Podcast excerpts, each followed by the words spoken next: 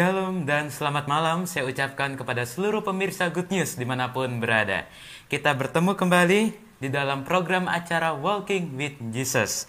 Bersama dengan saya Ariel Kurnedi dan di studio telah hadir ketiga narasumber kita atau bintang tamu kita pada malam hari ini. Yaitu Bapak Pendeta Priharyanto Budi Raharjo, Ibu Meidi Sekion, dan Ibu Siska. Ya, sebelum kita akan memulai acara kita pada malam hari ini, mari kita awali dengan kita bersatu di dalam doa. Kita berdoa. Bapak di sorga, pada malam hari ini kami siap untuk mendengarkan suatu pengalaman bagaimana umat-umat Tuhan berjalan bersama dengan Tuhan, yaitu dari Bapak Pendeta Budi, dari Ibu Medi, dan Ibu Siska. Kiranya apa yang disampaikan hanya berasal dari Engkau dan dapat menjadi berkat bagi kami yang mendengarkannya, terutama kepujian serta kemuliaan bagi nama Tuhan. Kami serahkan acara ini dari awal hingga pada akhirnya, di dalam nama Tuhan Yesus kami berdoa. Amin. Baik, pada malam hari ini sebelum kita akan berbincang lebih lanjut, saya akan menyapa terlebih dahulu ketiga bintang tamu kita. Ya, selamat malam Pak Pendeta Budi. Selamat malam. Ya. Puji Tuhan. Amin. Eh, Selamat amin. malam, Ya. Bu Medi. Selamat malam. Kurang dinut.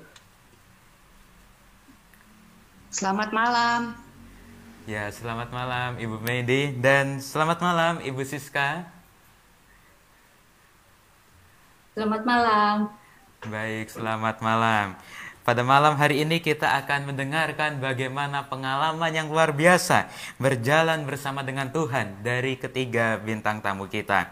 Namun sebelum itu, saya akan membacakan sedikit perkenalan dari bintang tamu kita yaitu Bapak Pendeta Priharyanto Budi Raharjo.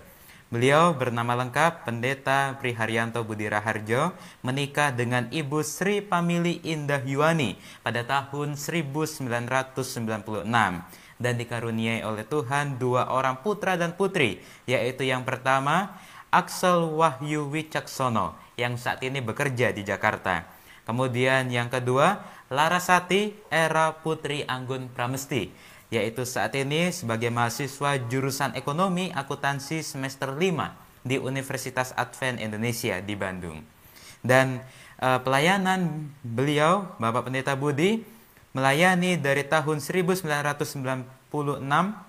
sampai dengan tahun 2000 yaitu selama 4 tahun melayani di Tuban dan Bojonegoro. Kemudian tahun 2001 sampai dengan tahun 2003 sepanjang 3 tahun beliau melayani di Jemaat Gersik dan Tandes. Kemudian di tahun 2004 sampai dengan tahun 2005 2 tahun melayani di Jemaat Jember dan juga Semboro. Kemudian di tahun 2006 sampai tahun 2008, sepanjang tiga tahun, beliau melayani di Jemaat Isa Al-Masih Mataram dan Batu Hijau. Kemudian di tahun 2009 sampai dengan tahun 2012, sepanjang empat tahun, beliau melayani di Jemaat BSI Tabanan dan Singaraja, Bali. Kemudian di tahun 2013 sampai 2016, yaitu sepanjang empat tahun, beliau melayani di Jemaat Surapati dan Pasar. Dan tahun 2017 sampai dengan saat ini, sepanjang lima tahun, beliau melayani di Jemaat Evata. Sungguh luar biasa eh, pengalaman pelayanan dari Bapak Pendeta Budi Raharjo.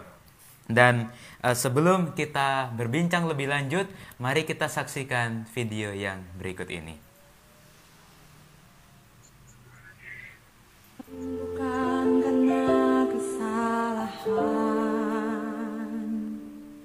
Saat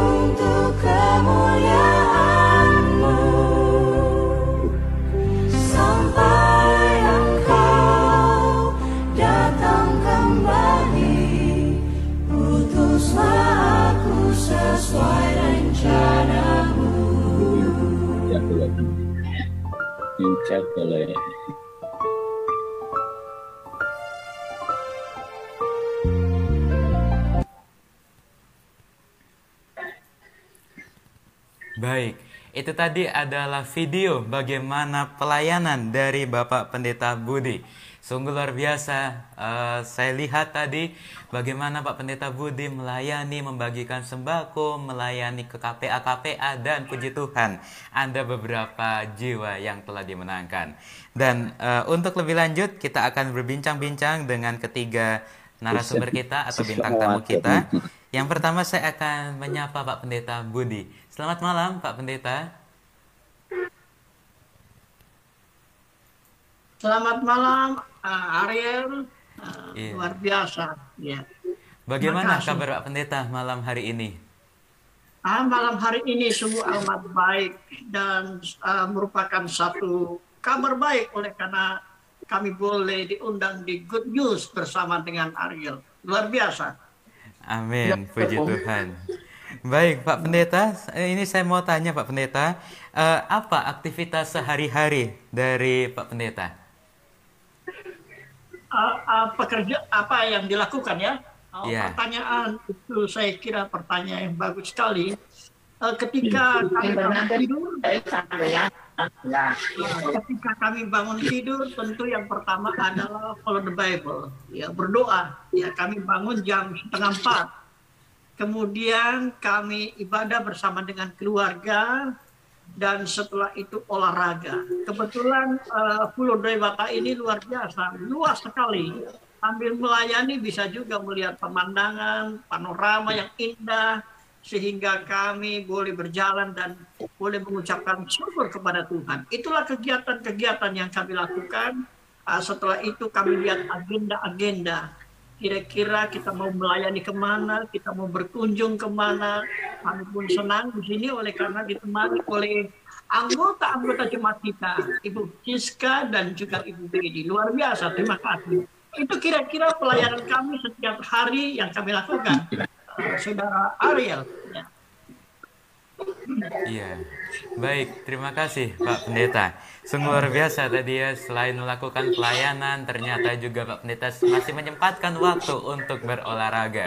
Dan tentunya eh, di daerah Pulau Dewata ini sangat menarik, sangat indah apabila kita akan melakukan sesuatu. Sambil berolahraga, kita bisa sambil menikmati alam ciptaan Tuhan. Baik, selanjutnya saya mau bertanya, mungkin ada kesaksian atau pengalaman bagaimana berjalan bersama dengan Tuhan dari bintang tamu kita yaitu dari Ibu Medi ataupun Ibu Siska. Ya, mungkin dari Ibu Medi terlebih dahulu. Mungkin ada sedikit pengalaman Bu yang bisa untuk diceritakan. Baik, Ya, terima kasih Ya, dan kita semua Yang diberikan. Suara saya kedengaran jelas ya. Iya, terdengar Bu. Baik. Eh, pengalaman saya eh, dari mengenal Tuhan di dalam eh, gereja Advent ya, saya mengetahuinya pertama kalinya dari oma saya. Karena eh, saya mau bercerita yang mana kedua orang tua saya berpisah pada saat saya itu masih kecil. Jadi saya kecil itu dirawat oleh oma saya. Sedangkan oma saya pada saat itu baru saja pindah masuk ke Advent. Jadi saya ke mana-mana, oma saya beribadah, saya dibawa. Sampai akhirnya saya pun bersekolah di sekolahan Advent. Tapi itu pindah-pindah. Eh, sekolah saya SD, saya di Makassar. Sekolah eh, Advent di Jalan Durian. Kemudian eh, lanjut kelas 5 SD ke Surabaya di eh, Jemaat Tidar. Gerejanya di Anjas Moro. Kemudian eh, SMP-nya saya di Jatinegara, sekolahnya di Salemba. Pada saat itu belum ada SMA.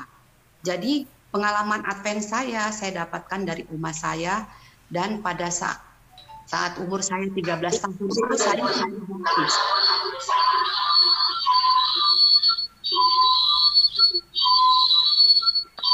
Baik. Saya dibaptis umur 13 tahun. Itu karena uh, ajakan dari oma saya untuk saya mau ikut dibaptis karena pada saat itu ada baptisan uh, massal seluruh gereja di Surabaya ya. Nah, setelah saya dibaptis, mungkin karena bukan dari hati saya, tapi karena saya uh, dididik oleh oma saya, akhirnya pada saat oma saya meninggal tahun 84, saya itu kehilangan arah.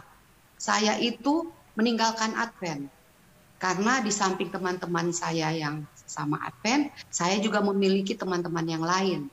Dan asal saya, orang tua saya, eh, bapak saya itu Islam.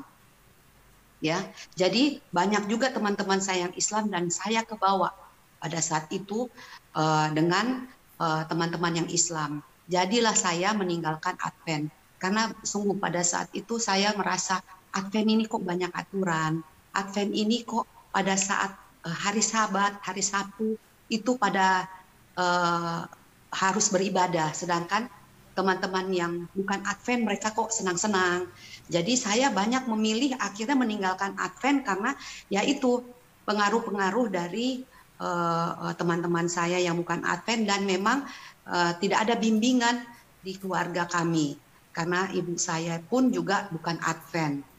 Jadi uh, saya meninggalkan Advent sampai saya berpetualang, uh, saya sampai menikah, dan saya tidak mengikuti uh, kehidupan-kehidupan yang benar. Banyak sekali uh, kehidupan dunia yang saya jalani pada saat itu.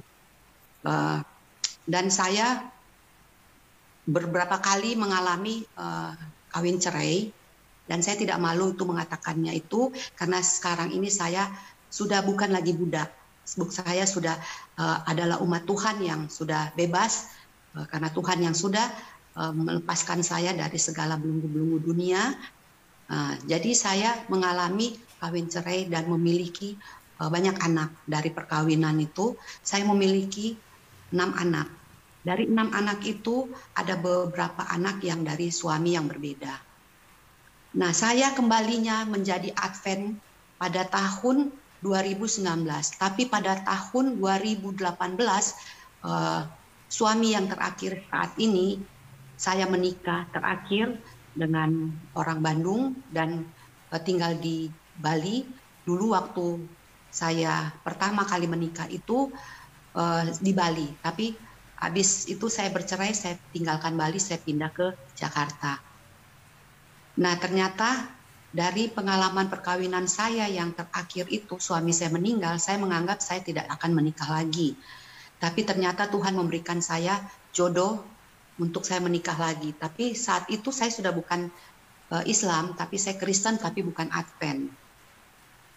Jadilah saya kembali ke Bali dengan perkawinan saya yang baru, ya, perkawinan yang saya yang terakhir ini. Pada saat tahun 2018 kami mengalami suatu uh, masalah. Suami saya uh, dalam bisnisnya itu uh, di penjara. Saat itu saya anggap Tuhan itu mengizinkan hal itu terjadi karena suami saya tidak bersalah. Tapi di ini sama temannya sampai akhirnya dia harus menanggung uh, masuk penjara. Padahal itu perkaranya itu perdata, bukan pidana. Tapi Tuhan mengizinkan uh, hal itu terjadi. Kenapa? Belakangan saya baru menyadari itu cara Tuhan untuk membawa saya kembali untuk saya uh, beribadah di hari Sabat. Karena Tuhan tahu ya, ya kerinduan hati kita. Kita tidak bisa bohong kepada Tuhan. Kita bisa berbohong kepada manusia, tapi kepada Tuhan tidak. Jadi tanpa uh, saya sadari Tuhan membawa saya lewat pergumulan, lewat masalah yang Eh, kami hadapi di dalam rumah tangga kami. Tahun 2016 itu saya menikah kembali dan 2018 suami saya di penjara. Pada saat suami saya di penjara itu baru di situ saya merasakan yang mana uh, saya ini kok sendiri. Saya punya suami tapi tidak seperti tidak punya suami. Saya punya banyak anak tapi seperti saya tidak punya anak. Karena pada saat itu anak-anak saya tidak bersama-sama dengan saya. Uh, ada yang di Jakarta, kalaupun di Bali tidak tinggal sama saya karena uh, mereka kurang cocok sama suami saya. Terus kemudian saya merindukan untuk saya itu kembali kepada Tuhan. Saya merindukan yang saya sendiri tidak tahu apa jawabannya. Akhirnya teman saya yang nama Eti Mendur uh, orang Advent itu dia bilang sama saya, coba uh, Nana ambil puasa. Karena saya sudah biasa berpuasa, uh, jadi dia mengajarkan saya untuk saya menyarankan saya untuk ambil puasa Sabat. Kemudian saya lakukan, saya lakukan dan saya sanggup. Pada saat waktu saya di Islam saya juga puasa itu 12 jam, sedangkan di Advent itu uh, 24 jam.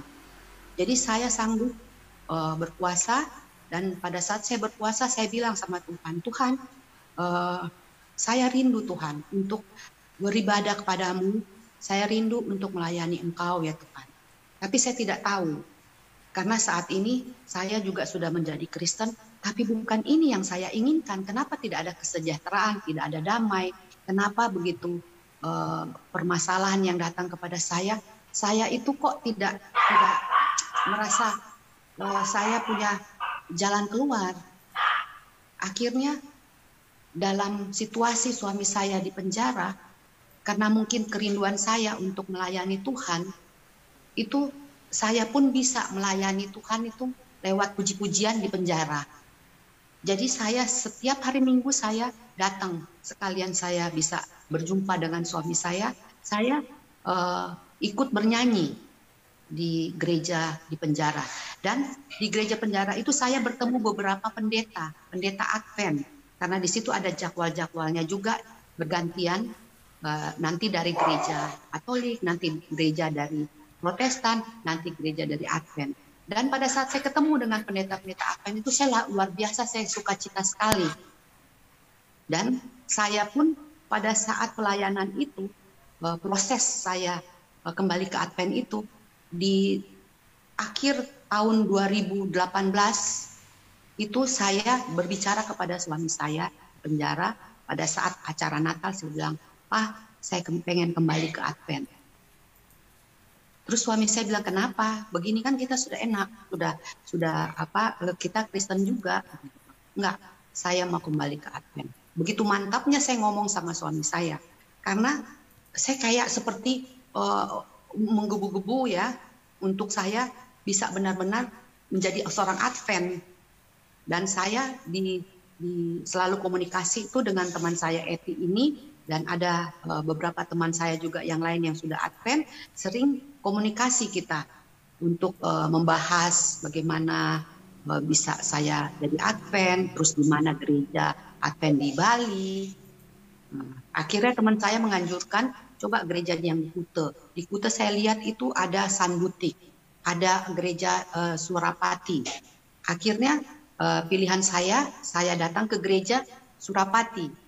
Uh, pertama kali saya injak gereja itu pada saat uh, Januari. Nah, saya injak itu gereja dengan anak saya yang tertua. Saya datang dan di situ saya bertemu dengan pendeta Budi dan ternyata pendeta Budi itu baru pertama kali bertugas di uh, haleluya. Nah, pada saat saya gereja pertama kali di haleluya, saya melihat kok banyak sekali anak muda. Saya tidak melihat uh, orang-orang tua.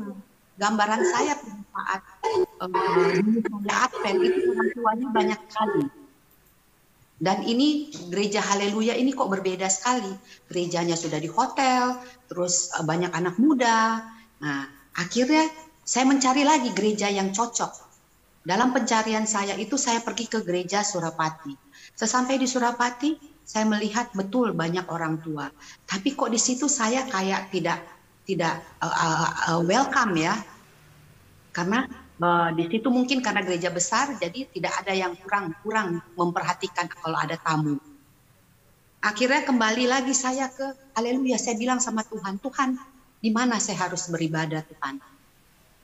Pada saat saya kembali ke Haleluya, di situ awal pertama kali saya ketemu istrinya uh, Pendeta Budi, yaitu Ibu Indah.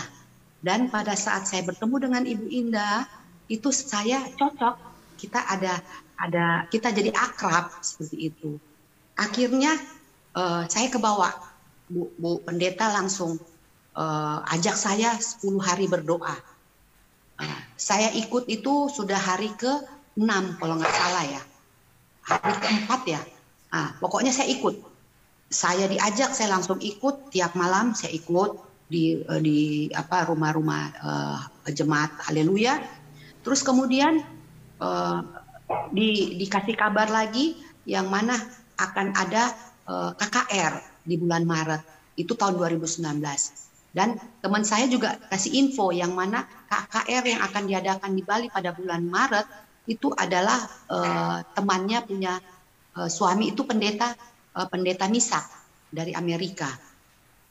Terjadilah itu semuanya saya diajak untuk saya mau dibaptis saya langsung jawab iya saya mau dibaptis dan itu sungguh luar biasa uh, sampai saat ini saya tidak bisa lupa bagaimana proses Tuhan bawa saya uh, untuk uh, mengalami semuanya itu dengan cepat. Jadi begitu saya dibaptis dalam keadaan uh, tidak ada uh, suami saya, uh, cuman ada anak saya yang nomor lima, terus yang menghibur saya ada teman saya yang dari Jakarta yang sering saya komunikasi yaitu Ibu Ane uh, Karamoy. Itu dia datang sama adiknya Marlin Karamoy uh, dampingi saya dibaptis. Uh, karena pada acara KKR itu kebetulan juga rombongan uh, ibu-ibu yang menyanyi juga itu uh, adalah teman-teman mereka. Nah, teman saya ini khusus datang juga hanya satu hari, datang pada hari Sabat pagi, kemudian pulangnya sore. Jadi itu luar biasa uh, menguatkan saya pada saat itu. Dan saya pada saat dibaptis itu saya sungguh uh, luar biasa saya rasakan sukacita karena uh, tuntunan juga dari pendeta Budi bersama istri untuk mengajarkan kepada saya bagaimana dalam kegiatan KPA, pembelajaran Alkitab apa semua saya pelajari. Saya saya semua apa yang diajarkan saya terima, apa yang uh, ditugaskan kepada saya pun saya langsung respon karena memang itu kerinduan saya untuk melayani Tuhan. Dan uh, saya juga uh, merindukan uh, suami, anak-anak saya untuk mereka sama-sama mau uh, dibaptis dan sama-sama beribadah di hari Sabat.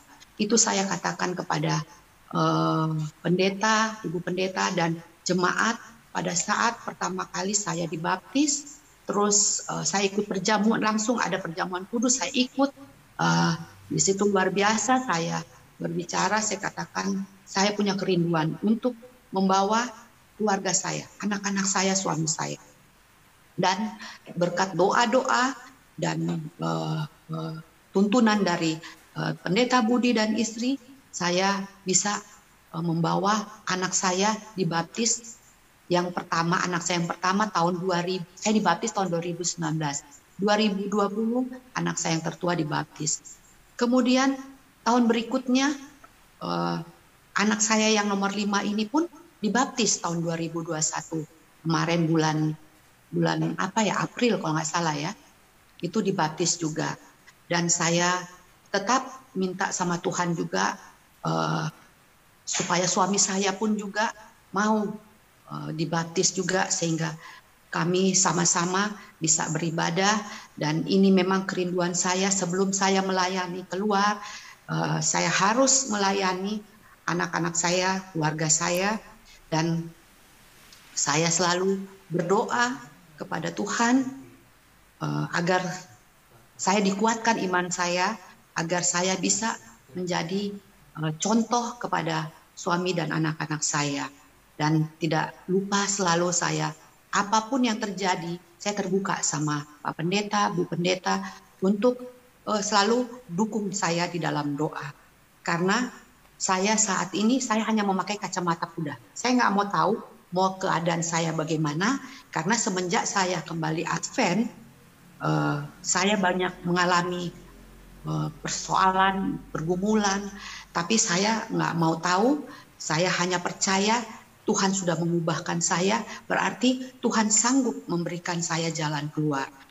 Dari itu saya selalu bertekun di dalam doa, dan Tuhan menjawab doa-doa saya. Saya dikirimkan orang-orang yang menguatkan saya, yang uh, memberikan saya uh, pertumbuhan dalam iman saya. Saya yang tadinya tidak pandai berdoa, yang hanya bisa berdoa sendiri, saya mulai bisa berdoa uh, bersama-sama di dalam persekutuan doa pagi. Saya bisa mendoakan orang lain, banyak uh, pelajaran dalam firman yang saya pelajari, uh, banyak yang Tuhan ubahkan baik pikiran saya, perkataan saya, perbuatan saya.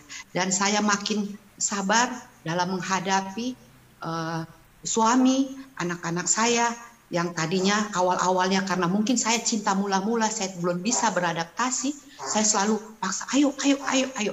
Tapi sekarang dengan segala kelemah lembutan, dengan kerendahan hati, saya ajak mereka, kalau mereka tidak mau, saya bawa mereka di dalam doa.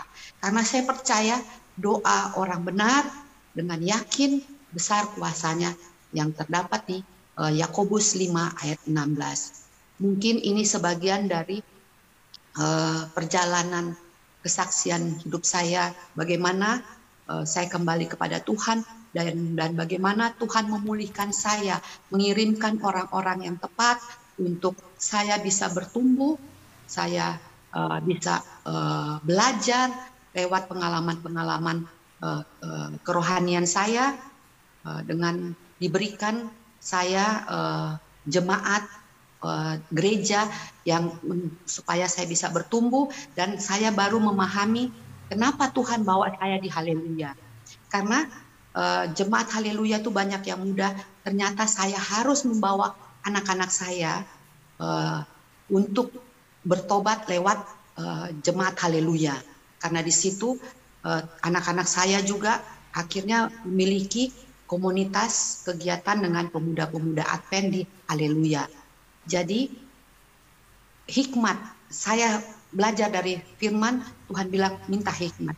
Jadi selalu saya berdoa, saya minta hikmat kepada Tuhan bagaimana saya uh, menjalani kehidupan rumah tangga saya, bagaimana saya uh, menjadi ibu bagi anak-anak saya dan uh, saya makin dikuatkan sehingga saya boleh menjadi pelaku firman dan memiliki kasih untuk membawa keluarga saya dan menjadi terang di mana pun saya berada. Demikian mungkin kesaksian yang saya bisa bagikan. Uh, semoga bisa memberikan kekuatan sehingga kita makin diberkati, kita makin hidup uh, berkenan dan tekun di dalam uh, Tuhan. Terima kasih. Baik, Puji Tuhan atas kesaksian yang sudah disampaikan. Sangat luar biasa bagaimana perjalanan Ibu Medi kembali kepada Tuhan melalui jemaat. Haleluya. Dan untuk selanjutnya kita akan uh, berpindah ke Ibu Siska. Selamat malam Bu Siska. Selamat malam. Ya, baik Bu Siska, mungkin bisa diceritakan bagaimana pengalaman Bu Siska berjalan bersama dengan Tuhan. Monggo, silakan. Hmm, baik, uh, saya awalin dari perjalanan saya ke Bali aja ya, karena sebelumnya uh, proses kehidupan saya atau iman saya sebelumnya tidak ada masalah dan terjadi masalah setelah saya tiba di Bali. Pada ta uh, pada tahun 1992 saya mulai ke Bali. Awalnya saya perjalanan iman saya baik-baik saja. Sampai tahun 2003 saya masih aktif di gereja. Saya ikut di gereja Surapati dan saya masih aktif dengan pemuda-pemudi di sana. Tapi setelah saya saya berkenalan dengan uh, maaf 2003 udah mulai malas ke gereja. Saya walaupun di kantor saya itu ada libur hari Sabat, tapi saya tetap tidak tidak ke gereja, saya ikut overtime dan di situ juga saya punya seorang sahabat uh, yang sama-sama Advent. Dia sering menegur saya, Siska, ayo ke gereja. Enggak ah, nanti aja setelah saya uh, pada suatu saat saya akan ke gereja sendiri. Saya selalu berkata gitu. Eh, jujur saya eh, sebetulnya sudah menikah dengan seorang yang bukan seiman, jadi saya menikah dengan orang Muslim, tapi saya tetap ke gereja sampai akhirnya saya tahun 2003 itu eh, sudah mulai bermalas-malasan ke gereja, tapi orang-orang Suropati eh, masih tetap melawat saya dengan dengan senang hati. Dia datang ke rumah setiap sabat. Dia berdoa bersama kami masih diterima juga dan suami saya juga masih menerima uh, kunjungan-kunjungan pelawatan dari gereja. Terus pada tahun 2004 saya lahirlah putri pertama saya. Di situ juga orang-orang uh, Suropati banyak yang datang dan mendoakan saya. Uh, entah kenapa pada waktu anak saya lahir tiba-tiba tidak ada sama sekali pelawatan dari gereja. Uh, jujur hati kecil saya juga merindukan untuk berdoa bersama, untuk berkumpul bersama, tapi karena uh, suami saya waktu itu tidak secara langsung melarang, mungkin ada sesuatu yang dikatakan kepada uh, kalau nggak salah waktu itu terakhir yang mengunjungi saya adalah Bapak Rai. Uh, setelah itu tidak ada kunjungan lagi. Dan waktu itu saya masih tetap berdoa walaupun saya udah tidak ke gereja tapi di dalam di rumah saya juga masih berdoa. Kemudian pada tahun uh, 2005 pada bulan Agustus uh, suami saya dipanggil Tuhan. Di situ saya mulai kecewa dan sama sekali tidak mau datang ke gereja. Uh, saya mulai benar-benar jauh dari Tuhan, uh, tidak pernah ke gereja lagi dan uh, mungkin saudara-saudara saya juga mengingatkan bahwa harus ke gereja, harus ke gereja, tapi tetap saya tidak tidak ke gereja. Saya udah jauh dari Tuhan, saya udah uh, bergaul dengan dunia tapi jujur saya tidak melakukan hal-hal yang jahat atau tapi tetap uh, hanya tidak mau ke gereja aja saja. Kalau untuk perilaku tidak pernah menyimpang dari dari hukum-hukum Tuhan kecuali tidak memelihara hari Sabat. Terus pada tahun 2020 uh, kakak saya datang di situ saya ingat jam 9 malam dia bilang nanti ada Pak Pendeta. Terus kita tunggu akhirnya datang Pak Pendeta Budi uh, ke tempat saya bertemu dengan kakak saya dan kami berkenalan di situ. Uh, akhirnya banyak yang kita ceritakan di situ dan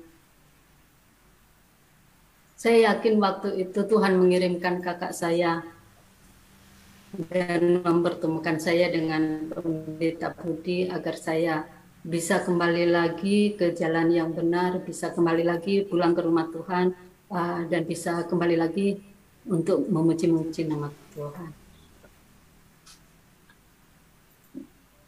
Dan pada saat itu juga saya masih belum belum punya keinginan uh, untuk kembali ke gereja.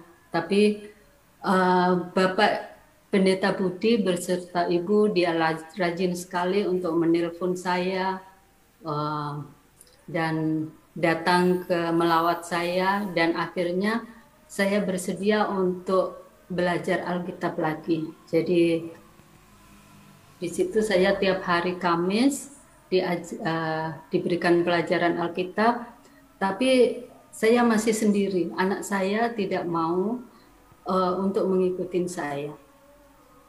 Uh, Akhirnya saya putuskan ya udahlah saya sendiri yang belajar Alkitab dan sambil berdoa untuk anak saya.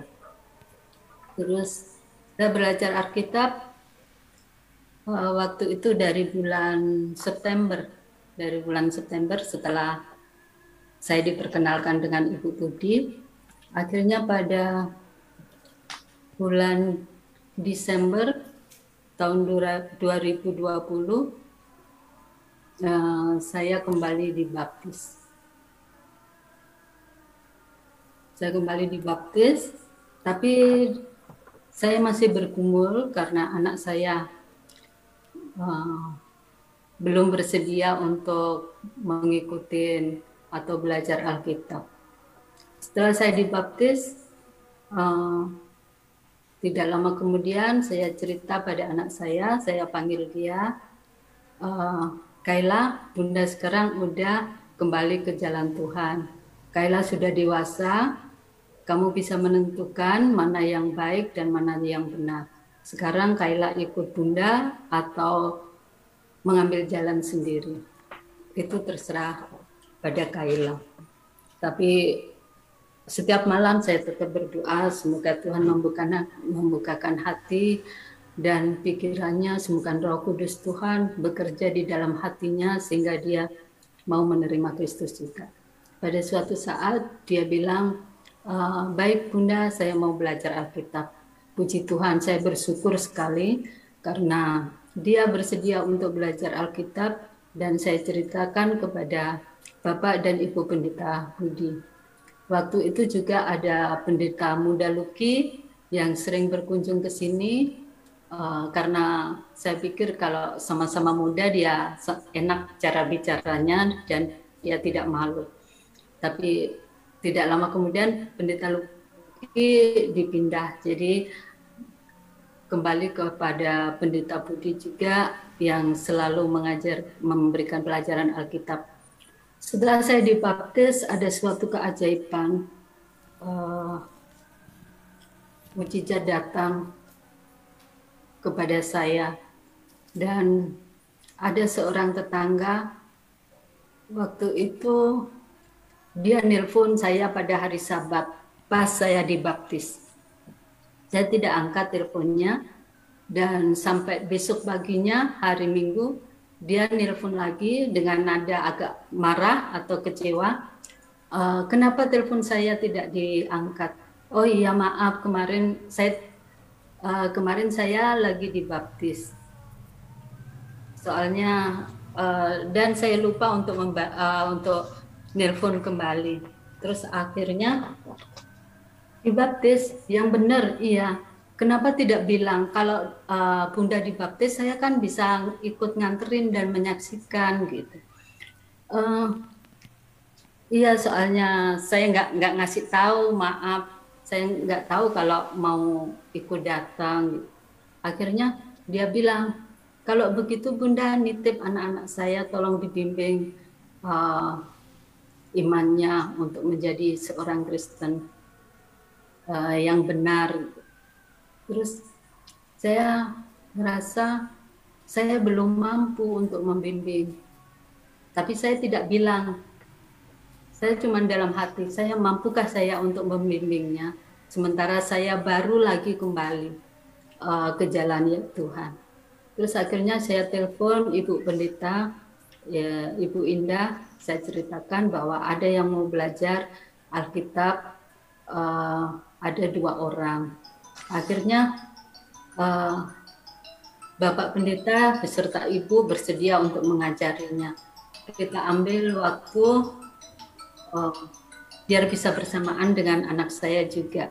Jadi uh, waktu yang tepat kita ambil hari Kamis karena kadang-kadang anak saya juga uh, terlalu sibuk jadi kadang tidak bisa ngikutin pelajaran Alkitab.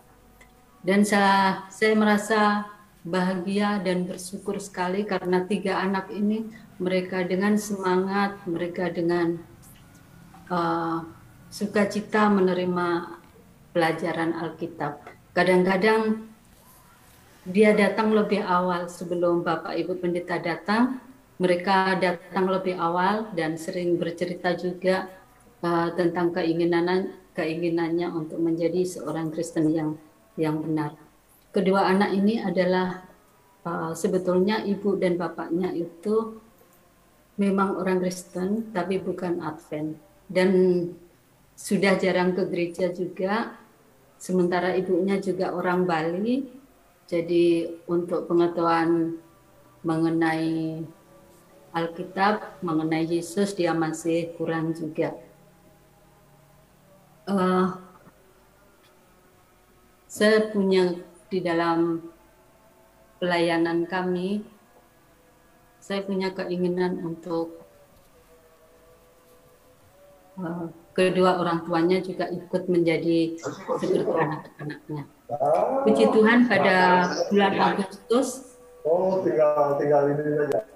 Pada bulan Agustus uh, mereka bertiga dibaptis dan sampai sekarang puji Tuhan mereka masih uh, dengan senang hati mereka pergi ke gereja bareng-bareng kita berempat dan mereka merasa antusias sekali untuk belajar Alkitab.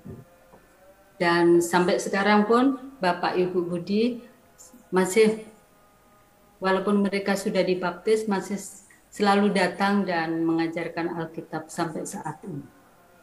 Uh, puji Tuhan, saya ucapkan terima kasih kepada pendeta dan Ibu Budi uh, yang telah membimbing saya dan mengajak saya kembali kepada Tuhan. Dan yang kedua kami ucapkan terima kasih juga kepada kakak kami yang ada di Jember, mungkin saat ini sudah uh, ikut menyaksikan, uh, yang tidak bosan-bosannya mendoakan saya setiap malam. Tidak terputus-putus doanya buat saya agar saya bisa kembali ke jalan Tuhan. Puji Tuhan pada saat ini saya ada di Zoom ini. Mungkin kakak saya sudah melihat bahwa doanya telah terjawab. Doa yang tidak akan uh, tidak terputus-putus, doa yang terus-menerus dilakukan pasti Tuhan akan menjawab. Terima kasih. Baik, terima kasih Bu Siska atas pengalaman yang luar biasa. Bagaimana Bu Siska boleh kembali berjalan bersama dengan Tuhan. Baik, saat ini saya akan berbincang dengan Bapak Pendeta Budi. Ya, selamat malam Pak Pendeta. Ya, selamat malam Saudara Ariel. Ya, baik Pak Pendeta. Itu tadi sudah disaksikan bagaimana pelayanan Pak Pendeta kepada dua umat Tuhan yang ada di Bali yaitu kepada Ibu Medi dan juga kepada Ibu Siska. Sangat luar biasa Pak Pendeta. Nah, Pak Pendeta, eh, ini saya mau bertanya, mungkin ini Pak Pendeta sudah melayani di Bali sekitar 12 tahun mungkin ya dari tahun 2009 hingga saat ini. Nah, Pak Pendeta, mungkin apa yang membedakan pelayanan di daerah Bali dengan pelayanan di daerah yang lain, Pak Pendeta? Oke, terima kasih. Pertanyaan yang bagus sekali. Uh, begini, Saudari Ariel, menurut pengalaman saya di dalam pelayanan ini, tadi uh, Saudara Ariel katakan 13 ya 12 tahun ya menuju ke 13. Sebenarnya tidak ada uh, perbedaan yang sangat signifikan. Ya, semua kita tentu uh, menghadapi berbagai tantangan, masalah, kendala itu ada apalagi di kota Bali ini ya yang berbeda aneka ragam uh, bahasa, budaya, bahkan juga uh, adat istiadat yang sangat menonjol. Uh, itu sebabnya sebenarnya tidak ada perbedaan. Hanya kita uh, kuncinya yang ada, uh, rahasianya atau kuncinya barangkali yaitu sebenarnya hanya satu, ya Uh, tentu adalah kita menggunakan metode uh, penginjilan bersama Yesus. Itu aja metode Yesus, nggak ada metode yang lain. Di mana pun kita ditempatkan, metodenya yang yang terbaik adalah metode Yesus. Ya, saya kira kita sudah memahami itu berbaur, kemudian berkenalan, bersahabat, uh, walaupun berbeda agama, berbeda suku yang saya hadapi, apalagi kalau sudah orang sudah dibaptis, tadi sudah diceritakan oleh anggota saya, kalau sudah dibaptis, apalagi kalau sukunya atau uh, orangnya adalah dari latar belakang orang Hindu, itu adalah satu tantangan yang besar, ya.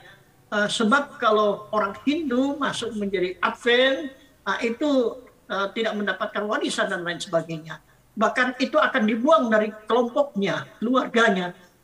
Itu pertanyaan kita apa? Bagaimana dengan gereja? Apakah gereja akan bisa mengurusi hal itu semua? Tentu tidak bisa. Itu sebabnya kuncinya rahasianya adalah yang pertama melibatkan seluruh anggota. Ya, melibatkan seluruh anggota. Kita tidak bisa bekerja sendiri. Ya tentu kita memahami bahwa tugas daripada pendeta adalah berkhotbah, sudah barang tentu berkhotbah. Tetapi yang sesungguhnya adalah melatih. Ya, Selain melatih juga mengkomunikasikan. Dan setelah mengkomunikasikan adalah mendelegasikan ya apa yang kita dapatkan dari organisasi dari pimpinan kita. Jadi saya kira strateginya di mana pun kita berada, saya kira strateginya hanya metode Yesus, banyak berdoa. Ya, itu sebabnya uh, saudara Ariel pertanyaan yang bagus. Apa bedanya sebenarnya? Ya kalau kita di tempat yang lain, kalau kita kurang berdoa ya tidak ada kuasa. Ya hanya berdoa. Berdoa artinya melibatkan anggota. Itu sebabnya kami punya KPA, ya Ibu Siska ada KPA lewat Zoom, ada KPA juga, uh, haleluya, anak-anak muda hari Selasa malam jam 9, mereka uh, terlibat sendiri ya tanpa harus dikomando walaupun pada pertamanya memang harus dikomando ya. Tetapi pada akhirnya mereka berjalan sendiri ya. Ada doa pagi bersama dengan Evata jam 7 pagi. Kemudian ada haleluya orang-orang muda bekerja ya melayani dalam doa. Uh, saya senang Ibu Medi Ibu Siska ini yang orang-orang yang aktif dalam gereja. Mereka melayani di KPA lewat KPA kemudian juga uh, kelompok-kelompok kecil. Uh, dalam masa yang seperti ini Ariel susah. Nah, ini kan antara normal dan tidak normal. Kalau dulu mungkin sekarang harus social distancing dan lain sebagainya.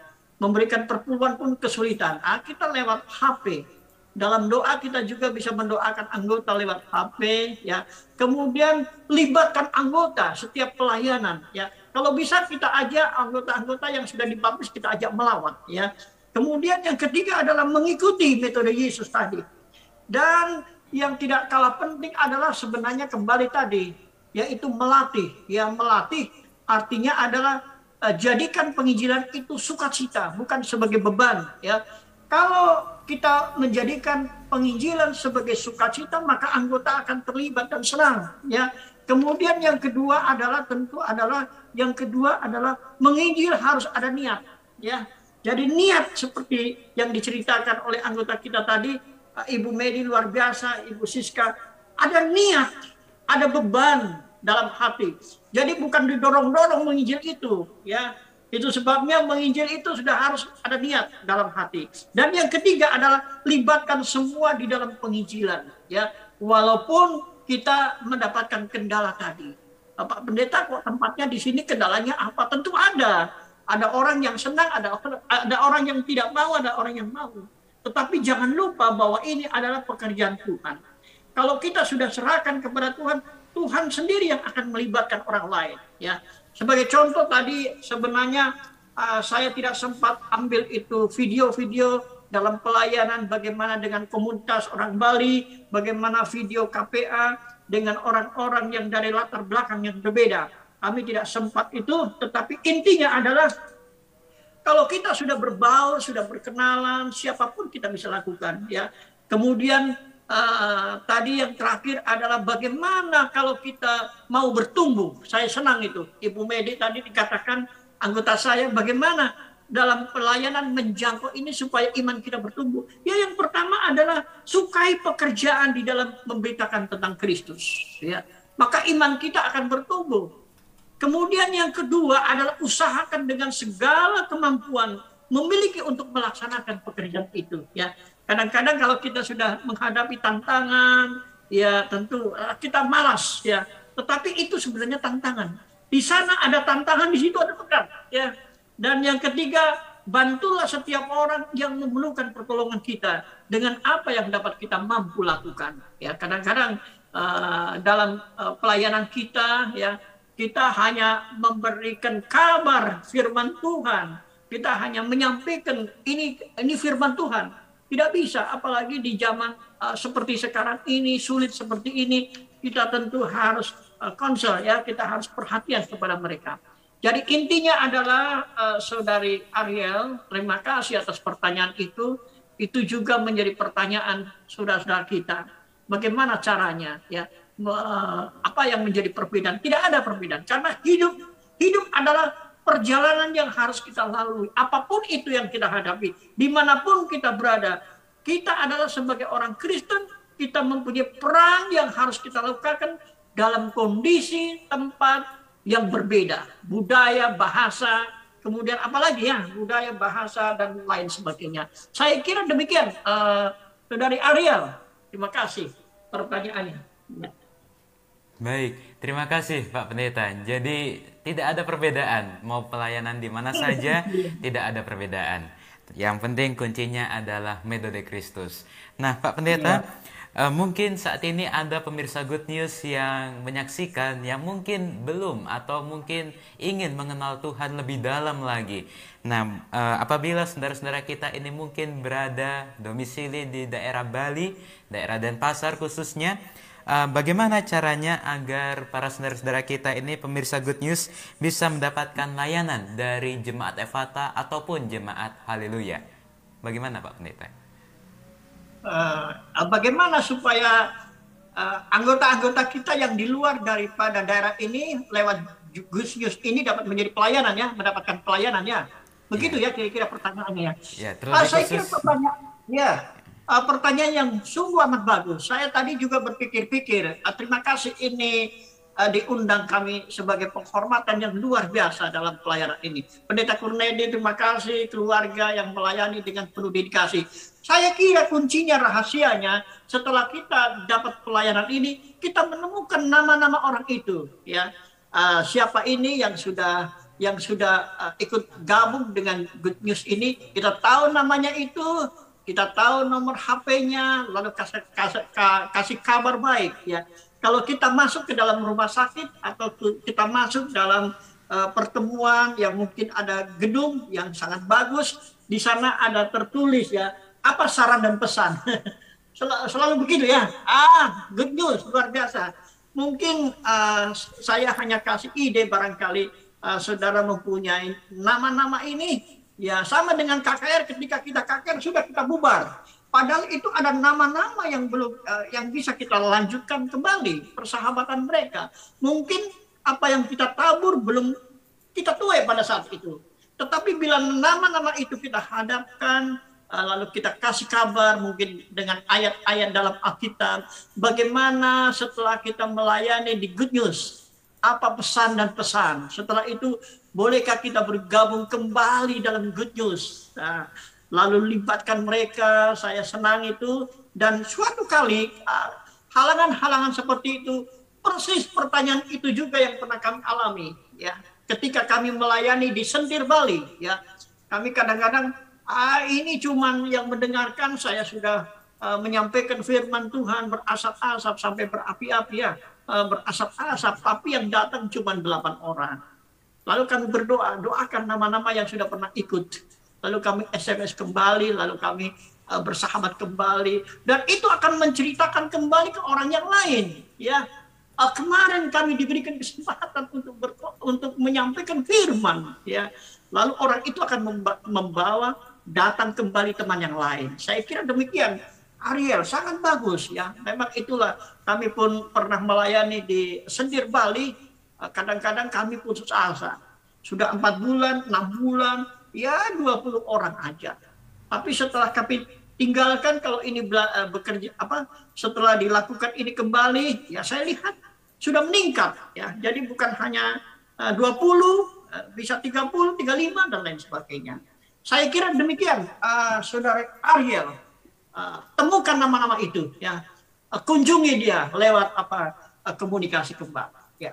Baik, terima kasih Pak Pendeta. Nah, mungkin eh, Pak Pendeta boleh disampaikan eh, alamat dari gereja Evata ataupun gereja Haleluya. Jadi mungkin apabila ada pemirsa yang berkunjung ke Bali, mungkin mau bergereja Oke. bisa ke Haleluya ataupun ke Evata, serta eh, bisa menghubungi ke siapa Pak Pendeta? Iya, tentu bisa menghubungi dengan eh, nomor kontak daripada eh, gereja kita ya, yaitu di Hotel Pak Rajis ya, yaitu di Kute ya, di Kute eh, tinggal di apa itu eh, Google ya nanti akan ke- kelihatan di Kute itu nama gereja itu sampaikan kabar baik itu juga Ariel sehingga bila mana datang ke Bali kami pun akan sampaikan itu nama itu ya. Oh ini ya uh, saudara bisa melayani karena saudara kami juga pernah begitu ya. Ketika kami ada tamu tiba-tiba kenapa dari tahu nama ini gereja ini? Padahal gerejanya di di hotel. Kemudian yang kedua eh, tentu alamatnya adalah di jalan eh, Dewata ya.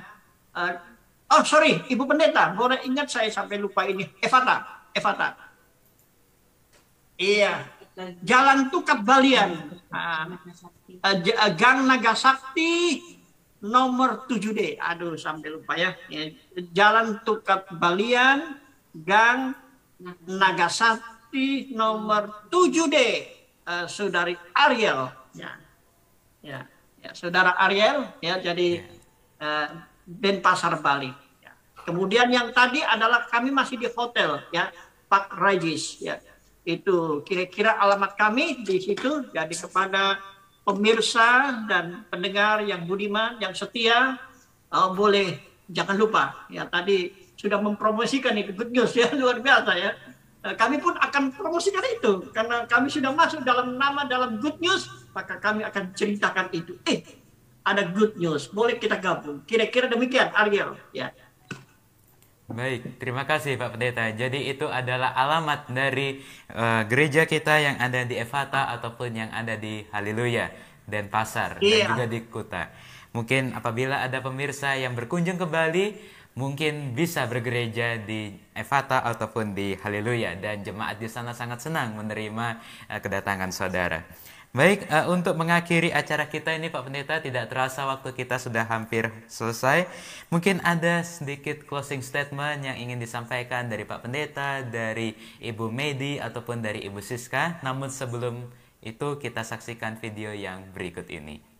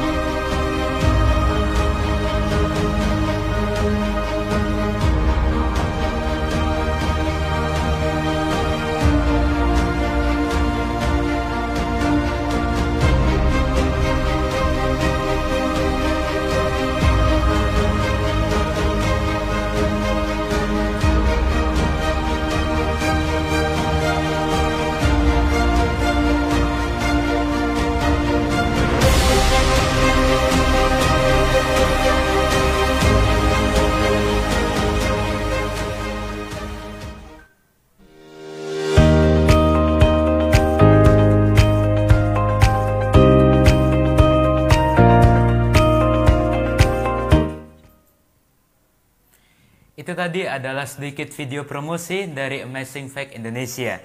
Apabila ada dari pemirsa Good News yang ingin untuk mengikuti pelatihan di Amazing Fact Indonesia, boleh untuk mendaftar langsung ke Amazing Fact Indonesia ataupun bisa melalui kami di call center kami yaitu di nomor 0812 1844 0101. Baik, untuk mengakhiri acara kita mungkin ada closing statement yang ingin disampaikan dari Pak Pendeta, dari Ibu Medi ataupun dari Ibu Siska. Silakan, mungkin dari Pak Pendeta dulu. Oke, terima kasih uh, Saudara Ariel. Saya kira closing statement saya adalah pada malam hari ini. Yang pertama adalah maju terus dan sukses terus dalam pelayanan sebagai wadah untuk memancarkan kemuliaan nama Tuhan. Good news ya. Dengan demikian tentu kami berdoa juga untuk keluarga Bapak uh, pendeta tentunya ya Cornedi, anak-anak semua dan ibu yang mendukung dalam pekerjaan dalam pelayanan yang penuh dedikasi ini. Nama Tuhan dimuliakan. Saya ingin tutup kembali dalam satu ayat Alkitab yang terdapat dalam Roma pasal 10 ayat 14. Tetapi bagaimana mereka dapat berseru kepadanya jika mereka tidak percaya kepada dia? Bagaimana mereka percaya kepada dia jika mereka tidak mendengar tentang dia?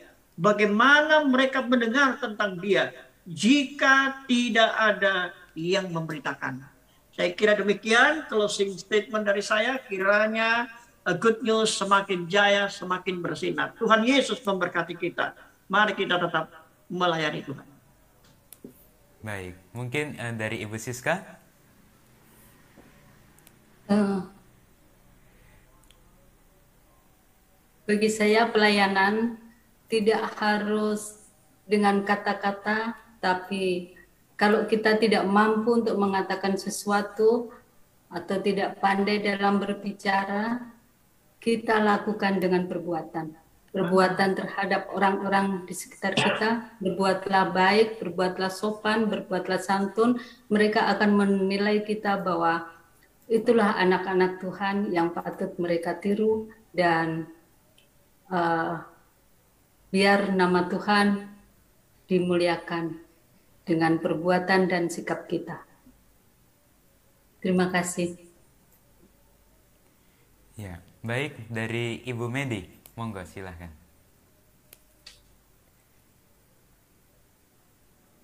Iya, suaranya belum terdengar, Ibu Medi. Maaf, kalau dari saya, saya ambil dari Mazmur 37 ayat 5. Serahkan hidupmu pada Tuhan dan percaya kepadanya dan dia akan bertindak. Itu yang terjadi di dalam kehidupan saya.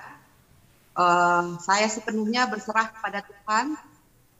Seperti yang saya katakan, saya memakai kacamata kuda. Saya tidak mau melihat masa lalu saya. Saya hanya melihat ke depan karena apa yang sudah terjadi di dalam kehidupan saya sungguh luar biasa. Uh, Tuhan begitu baik, Tuhan tidak pernah meninggalkan saya dia sudah mengubahkan kehidupan saya.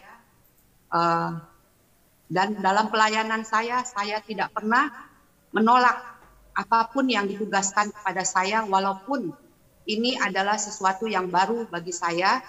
Walau saya sudah tahu Advent dulu, tapi saat saya kembali menjadi Advent, uh, banyak kehidupan yang diubahkan oleh Tuhan. Jadi saya tidak pernah mau menolak semua yang ditugaskan kepada saya karena saya percaya Tuhan yang akan menuntun saya, eh, Roh Kudus yang akan eh, mengajarkan kepada saya hal-hal yang baru buat saya dan Tuhan akan memampukan dengan tugas-tugas yang diberikan kepada saya dan ini kesempatan yang diberikan waktu kepada saya saya pergunakan dengan baik dan saya mensyukuri semuanya sehingga saya boleh Tuhan pakai sebagai alatnya di dalam pelayanan saya dan kekuatan yang membuat saya kuat adalah doa. Doa itu luar biasa. Doa itu memberikan saya kekuatan uh, di dalam menjalani setiap persoalan-persoalan kehidupan saya. Makin dekat kita dengan Tuhan, makin banyak persoalan, makin banyak pergumulan, tapi di situlah Tuhan nyatakan mujizatnya, kuasanya lewat kehidupan kita yang percaya kepada Tuhan. Terima kasih, terpujilah nama Tuhan. Amin. Terima kasih kepada Ibu Medi, Ibu Siska, dan Bapak Pendeta Budi yang telah menyampaikan sedikit pengalaman bagaimana berjalan bersama dengan Tuhan. Dan kiranya apa yang sudah disampaikan, apa yang sudah diceritakan boleh menjadi berkat, boleh menjadi motivasi bagi kita yang sudah mendengarkannya. Baik, untuk mengakhiri acara kita pada malam hari ini, kami mohon kepada Pak Pendeta Budi untuk pimpin kita di dalam doa penutup. Silahkan. Mari kita satu dalam doa. Segala puji, syukur, dan hormat berulang-ulang kami datang kepadamu, ya Allah, ya Tuhan kami. Allah yang penuh kasih dan Allah yang peduli. Allah pencipta langit dan bumi dan Allah yang kami sembah siang malam. Kami datang dengan segala kekurangan dan kelemahan kami. Bahkan ketidakberdayaan kami sebagai manusia biasa. Namun Allah sungguh luar biasa setiap detak nafas jantung yang kami rasakan hanya oleh karena kasih dan kemurahan Tuhan. Itu sebabnya Tuhan ampuni Tuhan segala hmm. dosa dan pelanggaran kami agar kami layak menghampiri tahtamu yang kudus. Hmm. Pada malam hari ini kami boleh melayani Engkau melalui program Good News uh, Jalan bersama Yesus. Kiranya Tuhan apa yang menjadikan pengalaman-pengalaman dan kesaksian akan melibatkan seluruh anggota melalui program Good News ini juga. Nama Tuhan dimuliakan sepanjang kehidupan. Tuhan memberkati keluarga hamba Tuhan Bapak Pendeta Kurnedi, Ibu berserta dengan Saudara Ariel, Saudara Ariel yang telah bersama-sama di dalam tugas pekerjaan dan pelayanan ini dalam mengembangkan, dalam menyampaikan kabar baik keselamatan kiranya tempat di mana Tuhan gunakan menjadi mercusuar yang bercahaya dan banyak jiwa-jiwa yang mendengar akan pekabaran Tuhan melalui good news ini. Oh Tuhan hmm. bantu kami Tuhan dalam segala tugas dan pelayanan kami di masa pandemi seperti sekarang ini. Ada banyak halangan, rintangan, tantangan yang kami datang, yang hmm. kami hadapi. Namun bersama dengan Allah adalah pasti Tuhan menyertai kami sepanjang hidup kami. Terpujilah namamu ya Tuhan dari kekal sampai kekal. Terima kasih atas pelayanan rohani yang telah bersama-sama dengan kami para pendengar, pemirsa, umat-umat Tuhan di mana pun mereka berada. Baik yang bersama-sama dengan kami lewat Zoom ini Tuhan. Engkau memberkati mereka, memberkati sepanjang pelayanan malam hari ini berkat pengasihan Tuhan menjadi bahagian kami semua. Engkau juga berdoa, kami juga berdoa ya Tuhan untuk Ibu Medi yang telah hmm. berpartisipasi dalam pelayanan ini.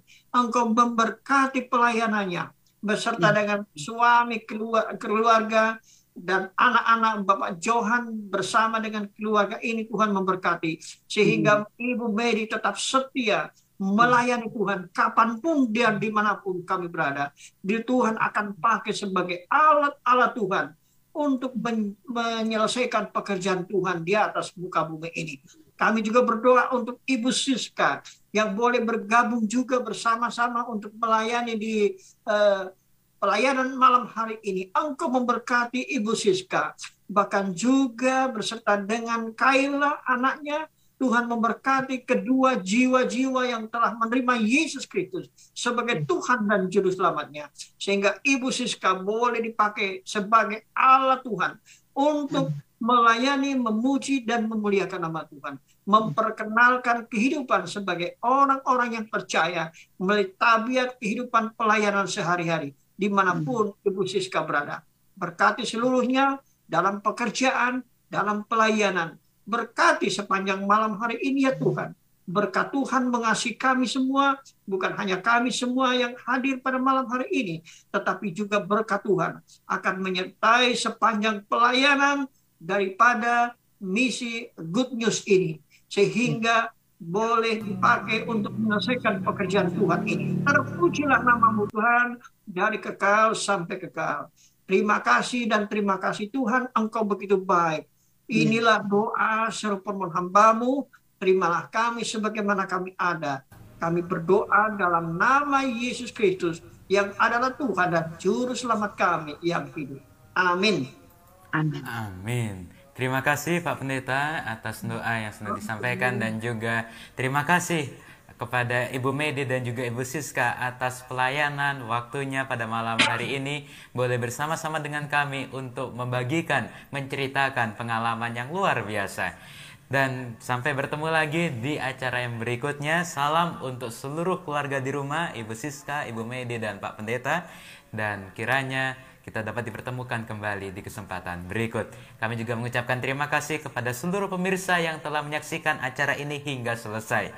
Kita akan bertemu kembali di kesempatan berikutnya yaitu setiap hari Senin jam 18.00 waktu Indonesia bagian Barat atau jam 6 sore waktu Indonesia bagian Barat yang dapat saudara ikuti melalui Facebook ataupun YouTube di akun Good News Broadcasting.